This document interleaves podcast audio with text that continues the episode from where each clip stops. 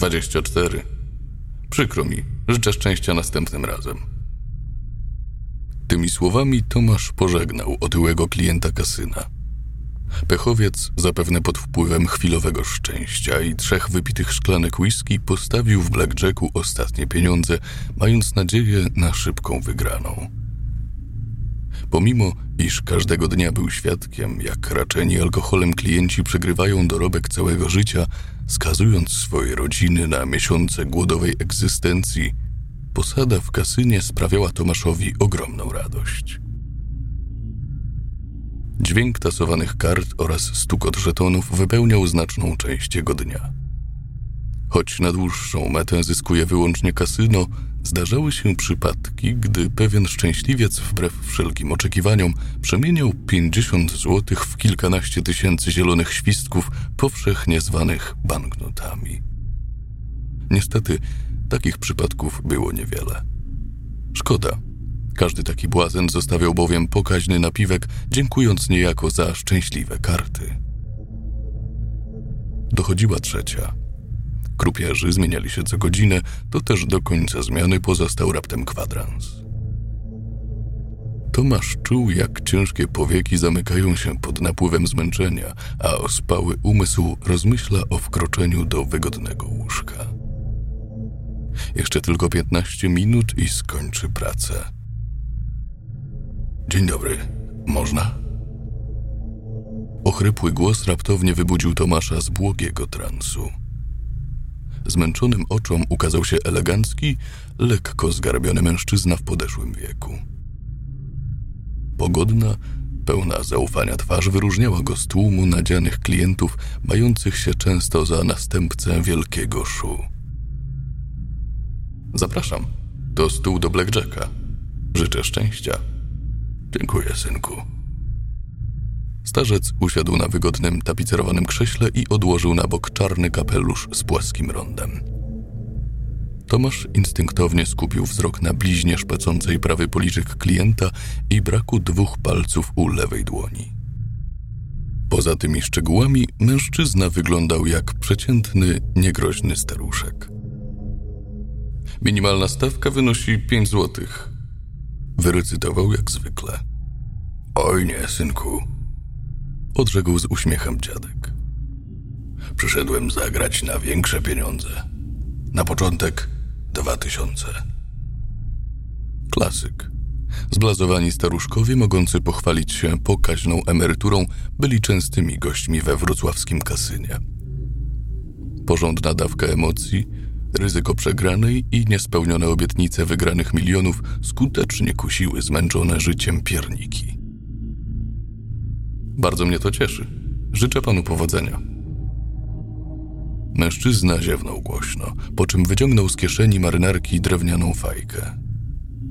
Zapach tytoniu skutecznie wypełnił przestrzeń wokół stołu, przyprawiając Tomasza o mdłości. Nie masz nic przeciwko, synku? Ależ skąd? Skłamał. W kasynie nie ma zakazu palenia. Mężczyzna ułożył przed sobą stos różnokolorowych żetonów, a giętkie palce krupiera zaczęły momentalnie wykładać karty. Piętnaście. Czeka pan, czy dobiera? Zapytał Tomasz niemal mechanicznym głosem. Dobieram. Na stół wleciał król pik. W jednej chwili twarz starca, dotychczas pełna uśmiechu, nabrała surowego grymasu, blednąc, jakby zobaczył ducha. Za dużo. Można stawiać kolejny zakład. Mężczyzna zaciągnął się drewnianą fajką, po czym wyłożył na stół kolejne żetony. Powiem ci coś, synku. Nie mogę dziś przegrać. Moja żona miała wypadek i potrzebuje drogiej operacji. Niestety nie mamy wystarczających pieniędzy, a żaden bank nie chce udzielić nam pożyczki, więc kasyno jest naszą jedyną nadzieją. Lepiej, żebyś mi tego nie zepsuł. Tomasz, choć często słyszał podobne teksty, nerwowo przełknął ślinę. Instynktownie pomyślał o własnej żonie. Słowa dziadka sprawiły, że poczuł się odpowiedzialny za życie nieznanej mu kobiety. Jej los niejako spoczywał w jego rękach. Zrobię wszystko, co w mojej mocy. Odrzekł, nie mogąc wymyślić nic lepszego. Dobrze, synku, rozdawaj dalej. Rozdanie po rozdaniu, budżet staruszka wahał się między ogromną wygraną a totalnym bankructwem. Z każdą minutą stos plastikowej waluty systematycznie malał. Dzierżąc w dłoni ostatnie żetony o łącznym nominale trzech tysięcy, starzec spojrzał na Tomasza błagalnym wzrokiem, po czym burknął coś pod nosem. Osiemnaście. Dobiera pan, czy zostajemy przy tym? Zostajemy, synku. Energicznym ruchem krupier dobrał karty dla siebie. Dwanaście, piętnaście, dwadzieścia jeden. Widząc to, mężczyzna uderzył z impetem pięścią w stół. Tomasz ze strachu aż podskoczył na krześle. Nie spodziewał się takiej reakcji. Wzrok staruszka, sypiąc iskrami nienawiści, zdradzał oznaki wściekłości, a zmarszczone czoło pokryło się kroplami potu. Wyglądał, jakby chciał roznieść kasyno na strzępy. To twoja wina. Oszukałeś mnie. Przez ciebie Żaneta zginie. Starzec krzyczał w niebogłosy, wymachując na wszystkie strony rękami. Jego głos zdawał się płonąć złością. Bardzo mi przykro. Przeklinam cię, słyszysz? Przeklinam ciebie i twoje parszywe, zachłanne życie! Narryj się moimi pieniędzmi! Tomasz zadrżał, nie mogąc odnaleźć słów. Serce zabiło mu mocniej, a mięśnie napięły się boleśnie. Instynktownie omiótł wzrokiem salę główną. Kasyno wypełnione było ludźmi, lecz nikt nie reagował na wrzaski starca. Nagle poczuł, jak ktoś trąca go w bark. Zadrżał. Instynktownie odwracając głowę, dostrzegł Bartka, najlepszego przyjaciela, który przyszedł, aby zakończyć jego zmianę. Stary, co ty taki blady? Ja? Co? Wydukał zmieszany Tomasz. Cholera, to przez tego dziadka. Dlaczego ochrona jak zwykle ma nas w dupie? Jakiego dziadka? Bartek ze zdziwienia aż wytrzeszczył oczy. No, tego szaleńca przy moim stole. Stary, prosiłem, abyś nie pił w pracy. Zaśmiał się. Tam przecież nikogo nie ma. No przecież mówię, że. Faktycznie. Tomasz odwrócił się na pięcie i spostrzegł, że po tajemniczym mężczyźnie nie było śladu. Jedynie nikły zapach tytoniu, powoli słabnąc, unosił się jeszcze w powietrzu. Tomasz, pędząc w swoim zdezelowanym Audi, sporadycznie rozglądał się na boki. Pijani imprezowicze, policja i kilku dresiarzy. Klasyka o tej porze. Ulica wiodła go pustym, niekończącym się pasem asfaltu, a drogę oświetlały migoczące latarnie rodem z horrorów. Wsłuchując się w otaczającą ciszę, ścisnął mocniej kierownicę i dodał gazu. Po ciężkim dniu pracy potrzebował się wyżyć. Potrzebował adrenaliny. Kolejne minuty poświęcił na przemyślenia o dziwnym incydencie z kasyna. Chora sytuacja. Jak tak dalej pójdzie, zmuszony będę poszukać bezpieczniejszej pracy. Z dala od tych wszystkich wariatów. Pomyślał, wiercąc się na niewygodnym fotelu kierowcy. Bezdźwięczna cisza powitała go, gdy tylko wyjechał z miasta. Tomasz wytężył wzrok, aby lepiej dostrzec wąską, betonową drogę wiodącą prosto do jego mieszkania. Sporadyczne szumy drzew poruszanych silnym wiatrem napawały go strachem. Jeszcze tylko pięć kilometrów i będzie w domu. Po chwili rozległ się dźwięk otrzymanej wiadomości SMS. Rzucona na fotel pasażera komórka stała się celem dla jego dłoni. Tomasz wyciągnął prawą rękę po omacku szukając telefonu. Nie mógł go jednak znaleźć. Mimowolnie oderwał wzrok od jezdni, aby odszukać cenną zgubę ukrytą gdzieś pod stertą papierów, niechlujnie zdobiących sąsiedni fotel. Licznik powoli dobijał 80 km na godzinę. Cholera, gdzie to jest? Zapytał głośno. Po sekundzie powrócił wzrokiem na drogę. Jedynie szybki skręt kierownicą ocalił go przed zderzeniem. Tuż przed maską pędzącego samochodu dosłownie znikąd pojawiła się ludzka sylwetka. Ktoś stał na środku ulicy. Tomasz wcisnął hamulec do oporu, jednocześnie starając się odbić w prawo, z dala od masywnych drzew po lewej stronie. Pisk opon rozniósł się po całej okolicy. Po chwili auto zgasło, a powietrze spowił smród przegrzanego silnika. Tomasz siedział w fotelu kierowcy zapięty pasami, nie mogąc wykonać żadnego ruchu. Był w szoku. Kurczliwie trzymając kierownicę, dyszał głośno, jak gdyby właśnie ukończył kilkugodzinny maraton. Przerażony wzrok powędrował na lusterko wsteczne. Tajemnicza postać stała na drodze, niewzruszona.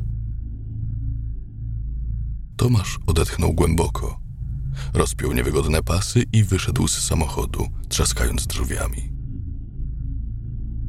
Ciemna, gwieździsta noc mroziła mu krew w żyłach. Nieznajomy mężczyzna wciąż trwał w bezruchu.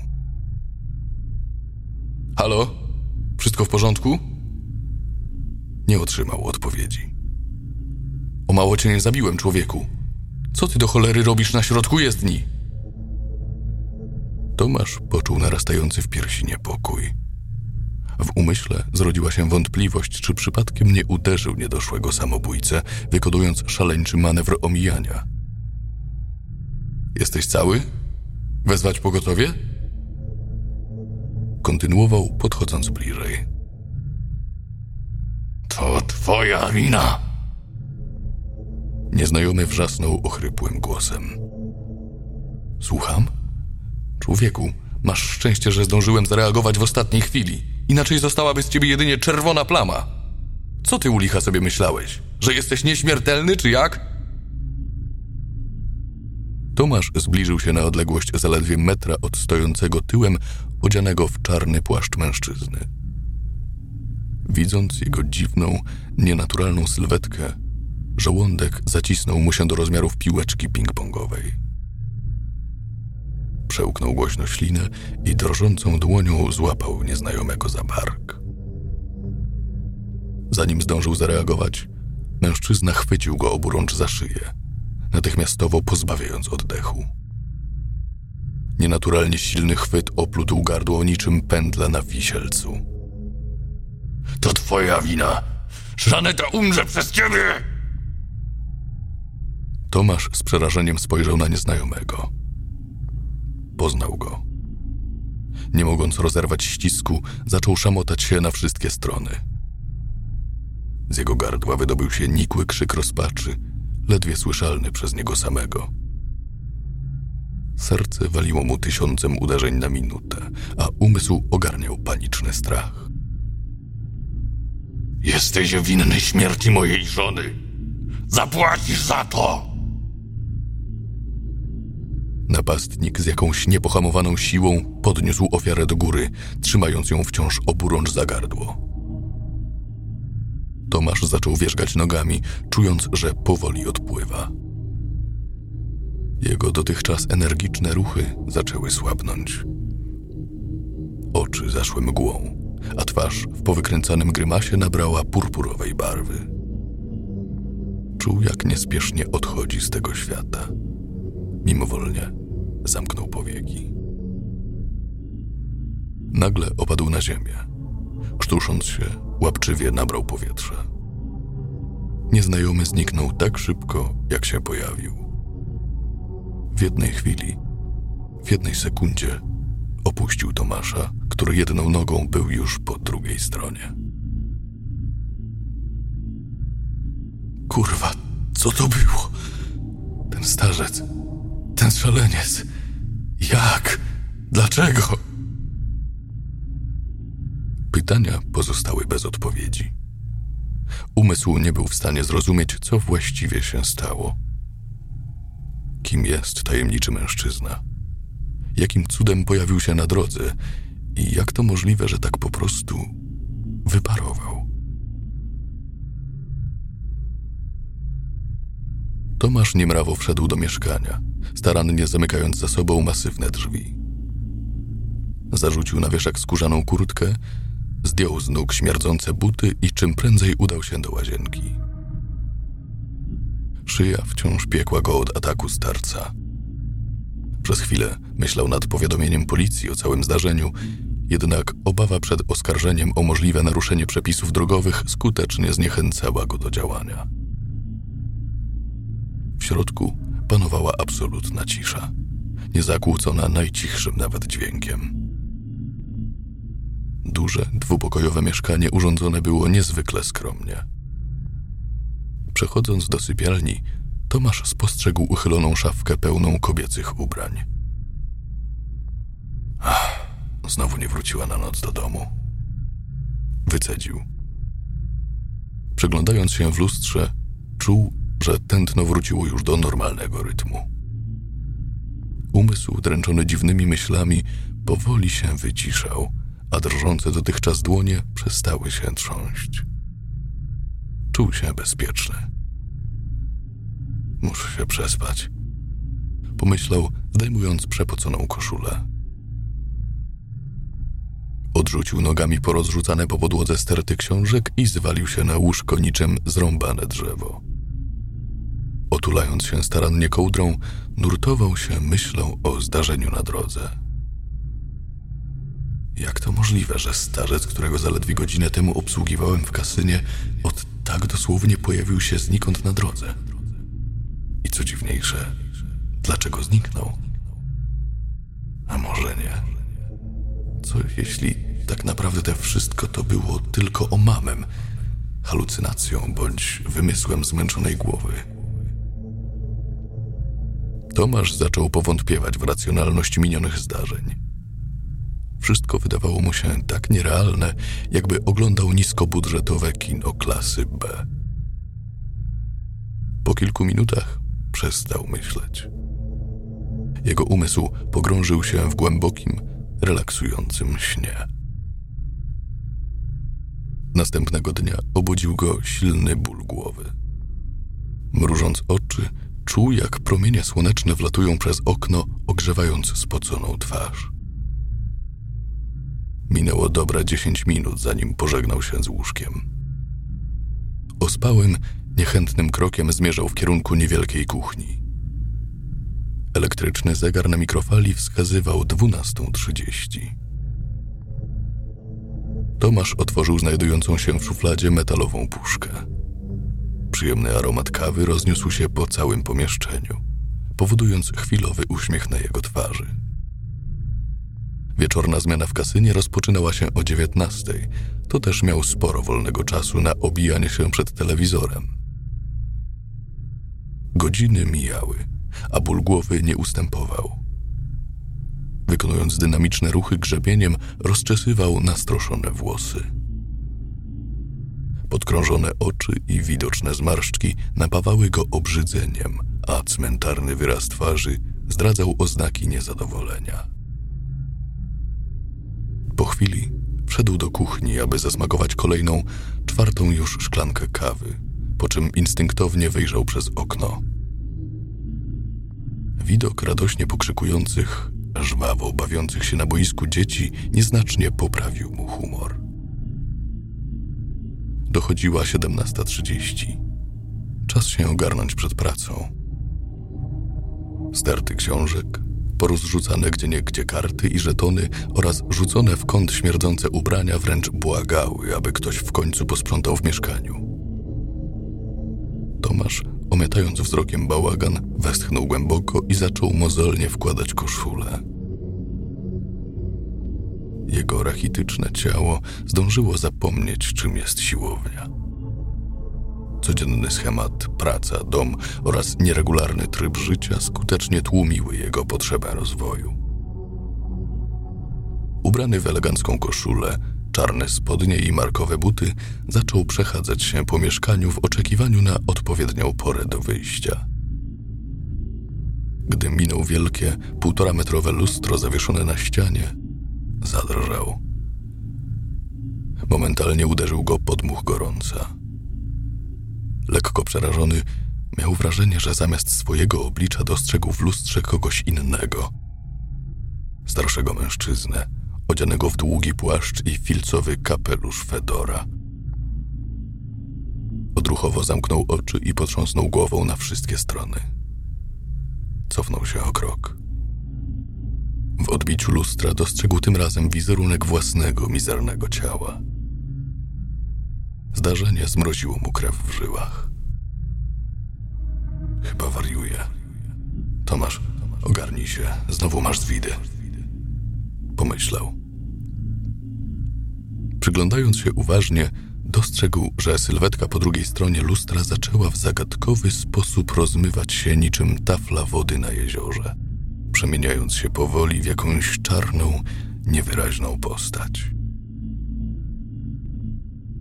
Oczy rozwarły mu się szeroko.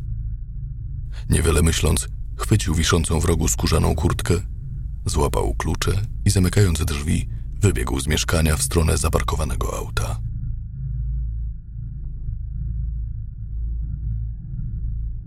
Nocna zmiana w kasynie mijała mu w zaskakująco powolnym tempie. Pomimo, iż całą uwagę poświęcał na dokładne liczenie kart, wydawanie żetonów i wszelkiego rodzaju czynności krupierskie, w głębi ducha czuł narastającą paranoję związaną z obecnością starca.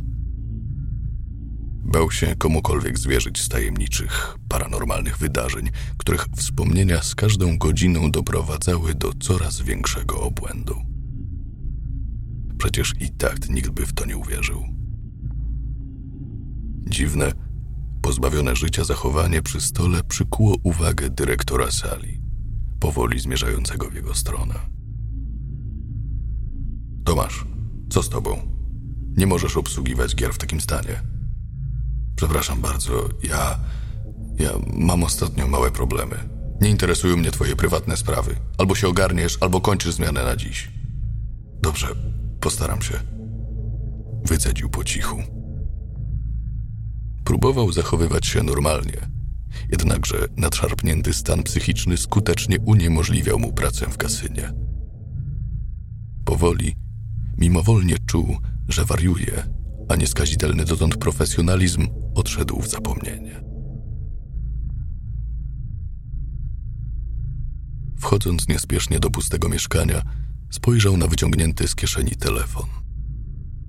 Jaśniejący w mroku wyświetlacz z roznegliżowaną blondynką na tapecie wskazywał pierwszą dwanaście.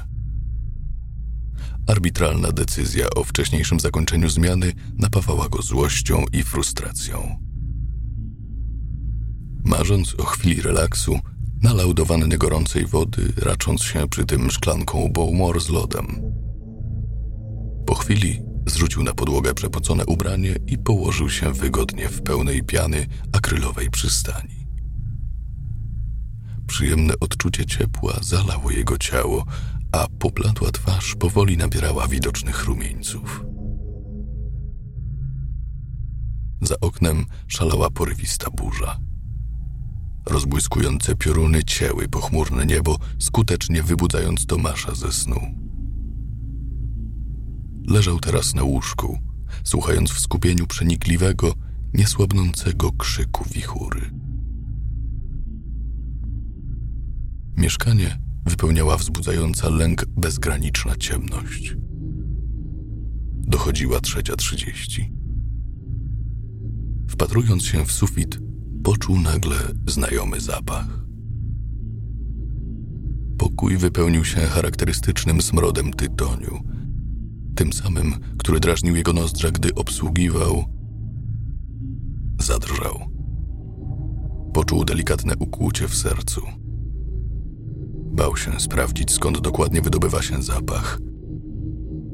Stanął na równych nogach, czekając, aż coś się wydarzy, gdy nagle usłyszał niewyraźny jęk dobiegający z kuchni. dynamicznym ruchem sięgnął po stojący w kącie kij baseballowy, który dostał w dzieciństwie od ojca. Powoli, stawiając krok za krokiem, zaczerpnął porządny haust powietrza i udał się w kierunku dochodzącego dźwięku. Woń balonego tytoniu stawała się coraz intensywniejsza. Zbliżając się, zaczął rozglądać się powoli na boki w obawie przed niespodziewanym atakiem. Odziany jedynie w bokserki i podkoszulek, czuł się jak bohater horroru, mający za chwilę paść ofiarą szalonego mordercy. Jęk dobiegający z końca mieszkania zdawał się przybierać na sile z każdą sekundą. Gdy od kuchni dzieliły go zaledwie trzy metry, w głębi pokoju dostrzegł niewyraźną postać siedzącą na drewnianym krześle. Owładnął go przeszywający dreszcz. Ktoś wszedł do jego mieszkania, gdy spał. Istota, wyraźnie zgarbiona, pochylała się to w przód, to w tył, wydając z siebie żałosne jęczenie. Jej zwróconą ku podłodze twarz przysłaniały pokryte krwią długie, gęste włosy. Tomasz rozpoznał w niej znajomą sylwetkę. Podszedł bliżej, wciąż dzierżąc w dłoniach kij baseballowy. Postać nagle zastygła w bezruchu. Po, pomóż mi, wyszeptała ponuro. Kim jesteś? Co tu robisz?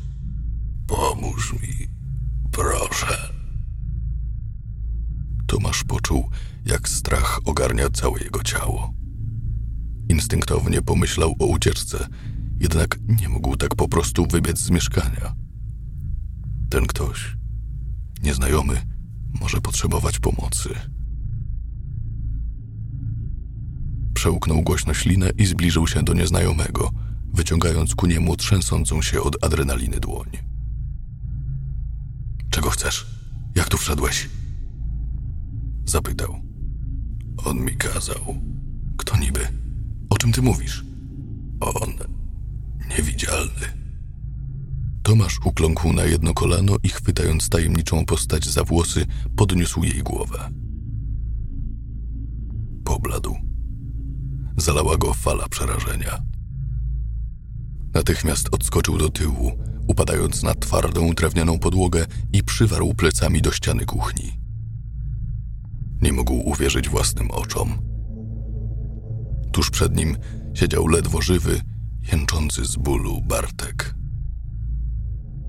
Z jego oczu wystawały wbite na głębokość kilku centymetrów kasynowe żetony, a ręce, a raczej ich pozostałości, pozbawione były dłoni.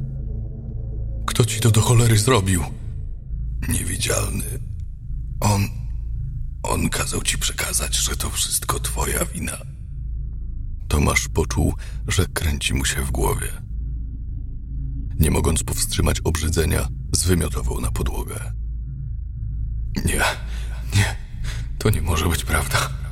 Kurwa, to tylko zły sen. Powtarzał w duchu. Niewidzialny. On cię znajdzie i zabije. Sekundy dłużyły się niczym godziny. Intensywny zapach tytoniu powoli się ulatniał, nieznacznie oczyszczając atmosferę. Obraz przed oczami Tomasza zaczął się rozmywać, a dłonie trzęsły mu się z nerwów. Leżąc umazany wymiocinami, patrzył wciąż z przerażeniem na okaleczonego Bartka. Wiedział, że czym prędzej musi dojść do siebie i zawieźć przyjaciela do szpitala. Nie może pozwolić, aby wykrwawił się na śmierć. Długie, niekończące się korytarze szpitala imienia świętego Wojciecha przyprawiały go o dreszcze. W środku panowała absolutna cisza, sporadycznie zakłócana przez dźwięki ulicznego ruchu dobiegające z za okna. Tomasz, siedząc na niewygodnym, plastikowym krześle, schował spoconą twarz w dłoniach i delikatnym ruchem pogładził się po głowie. Czekał, aż ktoś łaskawie przyjdzie poinformować go o stanie zdrowia przyjaciela. Było chwilę przed piątą, zanim udało mu się zaparkować na szpitalnym parkingu. Obsługa medyczna patrzyła na niego co najmniej jak na wariata. Ich szeroko otwarte oczy i pełen zdziwienia wzrok budziły w nim poczucie wyobcowania. Nie wiedział, czy większe wrażenie wywołała obecność zmasakrowanego ciała Bartka, czy też jego paranoiczne zachowanie. Czekał. Wciąż czekał. Snując się pustym korytarzem, spostrzegł wiszącą na tablicy korkowej lekko zagniecioną ulotkę. Pomoc psychiatryczna. Zadzwoń. Pomożemy ci uporać się z problemami. Dynamicznym ruchem zerwał świstek. Złożył na dwie części i wsadził do tylnej kieszeni spodni. Na wszelki wypadek. Pomyślał. Kątem oka dostrzegł maszerującego żwawym krokiem lekarza odzianego w długi, biały niczym śnieg fartuch. Dzieliła ich zaledwie piętnastometrowa odległość. Doktorze! krzyknął Tomasz. Doktorze, proszę zaczekać! Mężczyzna zdawał się ignorować jego wołanie. Doktorze, co z moim przyjacielem? Wyjdzie z tego? Cisza. Cholerni lekarze. Pomyślał, podbiegając bliżej w kierunku mężczyzny, który skręcając w lewo wszedł pospiesznie do swojego gabinetu.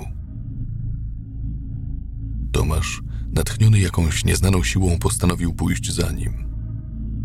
Wyzbywając się grzeczności, otworzył bez pukania ciężkie, drewniane drzwi opisane plakietką dr Marcel Petio. Poczuł się, jakby popełniał przestępstwo. Wiedział, że nie powinien tego robić. Ciemność pokoju rozświetlała nieznacznie mała, elektryczna lampa z brązowym abażurem usytuowana na mahoniowym stole. Za wielkim, wbudowanym od podłogi po sufit oknem, na pozbawionym liści drzewie siedziały czarne, skrzeczące kruki, które obrzucały Tomasza ponurym spojrzeniem. W rogu pokoju, z rękami w kieszeniach fartucha, stał wysoki, lekko zgarbiony mężczyzna, którego twarz omiatał mrok. Tak, o co chodzi?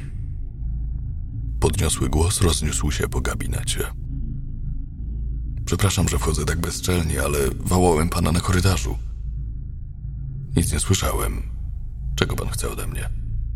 Chciałem zapytać, czy wiadomo już coś o stanie zdrowia pacjenta, którego niedawno przywiozłem. Bartosz Adamczyk. Jego oczy. Tak, wiem. Przerwał mu doktor. Przykro mi, ale pacjent zmarł. Wiadomość uderzyła Tomasza niczym grom z jasnego nieba. Poczuł, jak nogi uginają mu się pod ciężarem emocji. Nie, to nie może być prawda. Powtarzał w duchu. Serce zabiło mu mocniej, a tętno przyspieszyło do niebezpiecznego poziomu. Był w szoku. Ale jak to, doktorze? Zapytał, nie kryjąc rozpaczy. Nie dało się nic zrobić, aby go uratować? Nie. Nieznajomy doktor powoli wyłonił się z mroku, ujawniając swoje oblicze. Ponosisz winę za jego śmierć. Tomasz znieruchomiał. Dopiero teraz spostrzegł wyraźną bliznę na prawym policzku mężczyzny i bladą, ponurą twarz, która nachodziła go zawsze, gdy tylko zamykał oczy. Bartosz umarł. Teraz kolej na ciebie. Jego głos i piekielne krakanie za oknem wzbudzały w Tomaszu paniczny strach, przeszywający na wskroś. W jednej chwili, wpatrując się w mroczne, pozbawione głębi ślepia starca, poczuł oddech nadchodzącej śmierci. Bał się. Tak strasznie się bał. Niewiele myśląc, przerażony odwrócił się w stronę drzwi i nie oglądając się za siebie, uciekł ze szpitala.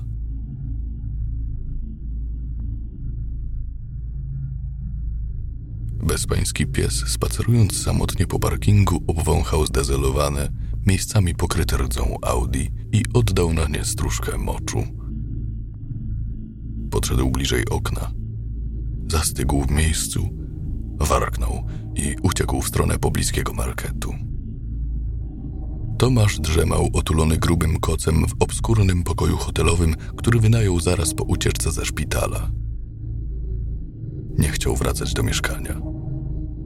Czuł przeszywający dreszcz na myśl, że może zastać tam prześladującego go starca. Choć wciąż męczyły go koszmarne wizje, zmęczony organizm domagał się snu. O 11.30 zadzwonił telefon. Tomasz uniósł niechętnie powieki. Przekręcił się na łóżku i sięgnął po leżący obok smartfon. Halo? Cześć, masz chwilę? Adam? Mam nadzieję, że to coś ważnego. Chciałem sprawdzić, czy wszystko u ciebie w porządku. Tak, wszystko gra tak jakby. Skłamał. Słuchaj, jest problem. Podpadłeś szefostwu. Lepiej, żebyś szybko przyjechał do kasyna to wyjaśnić. Tomasz natychmiast się ożywił i przetarł dłonią zaspane oczy. Jak to? O co chodzi dokładnie? Mów czym prędzej. Przyjedź, to sam się przekonasz. I lepiej się pospiesz. Blackjack i ruletka. Dwie najpopularniejsze gry hazardowe jak zwykle przyciągały do siebie pokaźną ilość nadzianych klientów. Po sali roznosił się wrzask sporadycznie rzucanych przekleństw oraz szczęśliwe okrzyki ludzi radujących się chwilowym szczęściem. Tomasz, ignorując całe to zbiorowisko pseudohazardzistów, przeskakując co drugi stopień po wysokich schodach, wbiegł do gabinetu menadżera. W środku czekał siedzący w skórzanym fotelu otyły mężczyzna w paskudnej, bladoróżowej koszuli. Jego zaokrąglone, podchodzące do góry wąsy zdobiły owalną, pozbawioną emocji twarz. W powietrzu panował zaduch. Siadaj. Odezwał się bez żadnego powitania. Możesz mi wytłumaczyć, co u licha się z tobą dzieje? Ale nie rozumiem. Wszystko u mnie w porządku. Mężczyzna zmarszczył brwi i szarpiąc dłonią poluzował duszący go krawat. Wczoraj otrzymaliśmy wiele skarg od klientów na temat twojego zachowania. Byłeś niemiły, niekulturalny, a do tego myliłeś się przy wydawaniu żetonów. Ja wcale, ale to nie wszystko. Przerwał mu menadżer. Powiedz, pijesz w pracy? Słucham? Oczywiście, że nie. Mężczyzna bez słowa odsunął fotel. Wstał i podszedł niemrawo do leżącego na biurku laptopa. No co tak stoisz? Podejdź bliżej, chcę ci coś pokazać. Tomasz bez wahania wykonał trzy dynamiczne kroki do przodu, po czym schował spocone dłonie za plecy. Bał się spojrzeć na jaskrawy ekran komputera. Nie wiedział, czy ujrzy fragmenty rozmów, w których obraża całe kierownictwa kasyna, czy może roznegliżowane zdjęcia wysyłane z podnieceniem byłym dziewczynom. Nagranie pochodzi z czwartej w nocy, objaśnił menadżer. Kamery monitoringu nagrały twoje dziwne zachowanie tuż przed końcem zmiany. Zawsze uważałem cię za porządnego pracownika, jednak od dłuższego czasu przestałeś się starać. Przychodzisz zmęczony do pracy, masz jakieś nerwowe tiki i prawie w ogóle z nikim nie rozmawiasz. Nie mówię tu o obrębie kilku dni, lecz kilku tygodni. A do tego ten film. Śmiało, zerknij. Tomasz niechętnie wytężył wzrok, aby różnokolorowe piksele złączyły się w jedną całość. Nagranie przedstawiało pozbawiony klientów stolik do blackjacka, przy którym ujrzał siebie, ospale bawiącego się żetonami. W rogu ekranu widniała godzina druga czterdzieści trzy. Po chwili z niepokojem obrócił głowę w kierunku menadżera i zmarszczył brwi wyraźnie zdezorientowany. Oglądaj dalej. Tomasz przełknął głośno ślinę i spojrzał ponownie na ekran. Jakież poczuł zdziwienie, gdy jego dłonie zaczęły wykładać rozdanie, jak gdyby ktoś właśnie zasiadał do stołu. Widział siebie układającego karty i wydającego żetony. Usta poruszały mu się zupełnie jakby rozmawiał z jakimś niewidzialnym bytem. Zadrżał. Przy stole nie było starca. Nie było absolutnie nikogo. Momentalnie podskoczyło mu ciśnienie, a oczy rozwarły się szeroko. Ja chyba śnię. To nie może być prawda. Pomyślał przerażony. To jakiś żart? Jestem w ukrytej kamerze, czy co? Słuchaj, odparł menadżer. Wiem, że jest ci ciężko, ale lepiej będzie, jak zrobisz sobie dwa tygodnie wolnego. Odpoczniesz, wyjedziesz gdzieś, z pewnością to... Gówno prawda! Wrzasnął Tomasz. Próbujecie zrobić ze mnie wariata. Nie dam się wam omamić. Wiem, co widziałem. Nie jestem szalony. Człowieku, odłóż to. Menadżer z przerażeniem w oczach uniósł dłonie na wysokość twarzy. Usta trzęsły mu się ze strachu, a nogi wykonały dwa kroki w tył. Nerwowo zaczął rozglądać się w poszukiwaniu pomocy. Tomasz stał w bezruchu, sapiąc ciężko niczym dzikie zwierzę. Spojrzał w dół. W dłoni dzierżył, nie wiedząc skąd, pokryty teflonową powłoką nóż sprężynowy. Poczuł uderzający do głowy podmuch gorąca. Nie miał pojęcia skąd go ma, ani co się dzieje. Kątem oka dostrzegł otwierające się drzwi i momentalnie pobladł. Do pokoju weszła Magda, sekretarka. Widząc stojącego z nożem w dłoni Tomasza, upuściła na podłogę trzymane w rękach stosy papierów i krzyknęła na całe gardło. Dźwięk panicznego krzyku rozniósł się echem po całym kasynie, przeszywając głowę na wylot. Lada moment do gabinetu zbiegną się tłumy ciekawskich ludzi. Tomasz nie wiedział, co ma ze sobą zrobić. Zamroczony umysł przestał panować nad drżącym ciałem. W przypływie adrenaliny odepchnął przerażoną Magdę, która uderzyła z hukiem o stojącą w rogu pokoju szafkę i rzucił się pędem ku opadającym schodom. Zbiegając, potknął się nieszczęśliwie i wypuścił na podłogę dzierżony w dłoni nóż. Dowód zbrodni z impetem uderzył o podłogę. Nie zwracając uwagi na możliwe obrażenia, których doznał przy upadku, zerwał się na równe nogi i przepychając się wśród tłumu zebranego na środku głównej sali, wybiegł z budynku.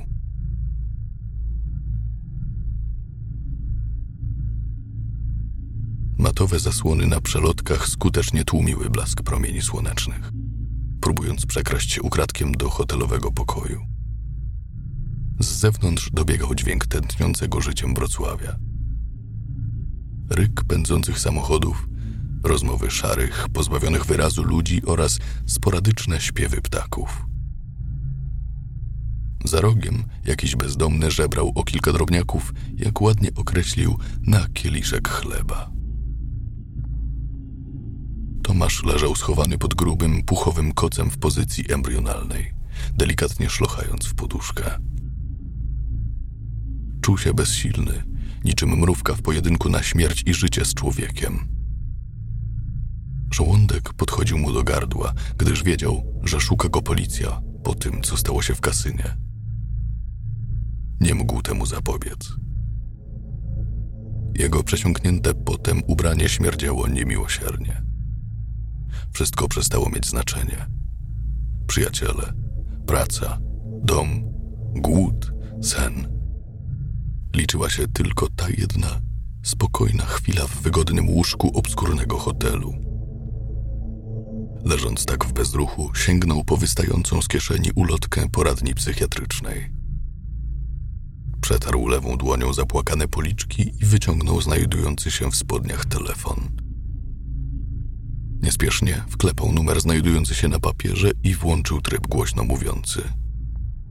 Proszę czekać na połączenie z konsultantem. Oznajmił mechaniczny głos w słuchawce. Tomasz zamknął ciężkie powieki i mimowolnie kontynuował płacz. Wiedział, że dzieje się z nim coś złego, że odchodzi od zmysłów. W pewnej chwili usłyszał skrzypiący dźwięk otwieranych drzwi. To mogła być wyłącznie policja bądź starzec. I obie wersje były równie przerażające. Ostrożnie wysunął głowę spod koca i znieruchomiał. Nad łóżkiem stał nie kto inny jak wyraźnie zgarbiony, sędziwy prześladowca, wpatrujący się w niego mrocznym, pełnym cierpienia wzrokiem. W dłoni dzierżył jutowy sznur. To niemożliwe. Ty nie istniejesz! Krzyknął w przerażeniu Tomasz. Starzec zaśmiał się po cichu. Ależ owszem, istnieje. Oczy zaiskrzyły mu złowrogim blaskiem. Zawsze byłem tuż obok i zawsze będę do końca twoich dni. Czego ode mnie chcesz? Miesiącami obwiniałeś się o śmierć żony. Wiesz dobrze, że gdybyś nie pokłócił się z nią tamtej nocy, nie wsiadłaby do auta. Nie pędziłaby na złamanie karku do swojej matki i nie zderzyłaby się czołowo z tirem, ginąc po tygodniu w szpitalu. W głębi duszy czujesz, że jesteś za to odpowiedzialny. Głos mężczyzny przybrał złowrogiego tonu. Przychodzę, abyś znowu ją zobaczył. Abyś dołączył do niej w krainie umarłych i choć raz zachował się jak prawdziwy mężczyzna, a nie jak tchórz. Chcę twojej śmierci. Tomasz zadrżał. W głębi duszy wiedział, że to prawda. Odkąd Żaneta umarła, życie straciło kompletnie sens.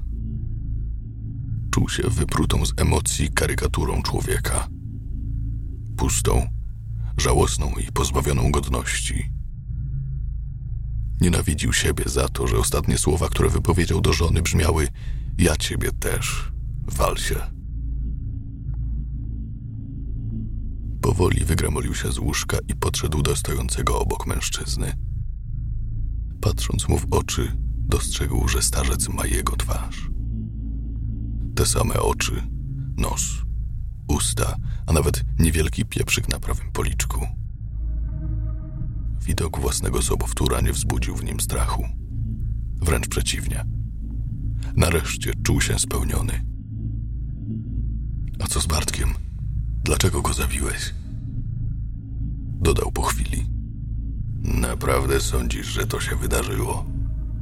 Twój zrozpaczony umysł wymyślił tę historię, aby wytłumaczyć samotność i brak kontaktu z przyjaciółmi.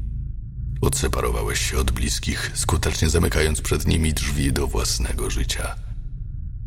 Po tych słowach zgarbiony mężczyzna odetchnął głęboko i zmierzył Tomasza wzrokiem. Podając mu sznur, uśmiechnął się i z pełną dobrocią w oczach oświadczył: Już czas, przyjacielu. Tomasz oplótł linę wokół szyi. Przetarł zapłakane policzki i starannie zacisnął pętlę. Postać, będąca ucieleśnieniem jego duszy, złapała drugi koniec sznura i przerzuciła przez plecy. Nie bój się, dodała, odwracając się do niego. Po chwili nastąpiło szarpnięcie i ciągnięta z całych sił lina na zasadzie dźwigni uniosła mizerne ciało Tomasza na wysokość kilkunastu centymetrów. Idę do ciebie, kochanie. Wyszeptali jednocześnie.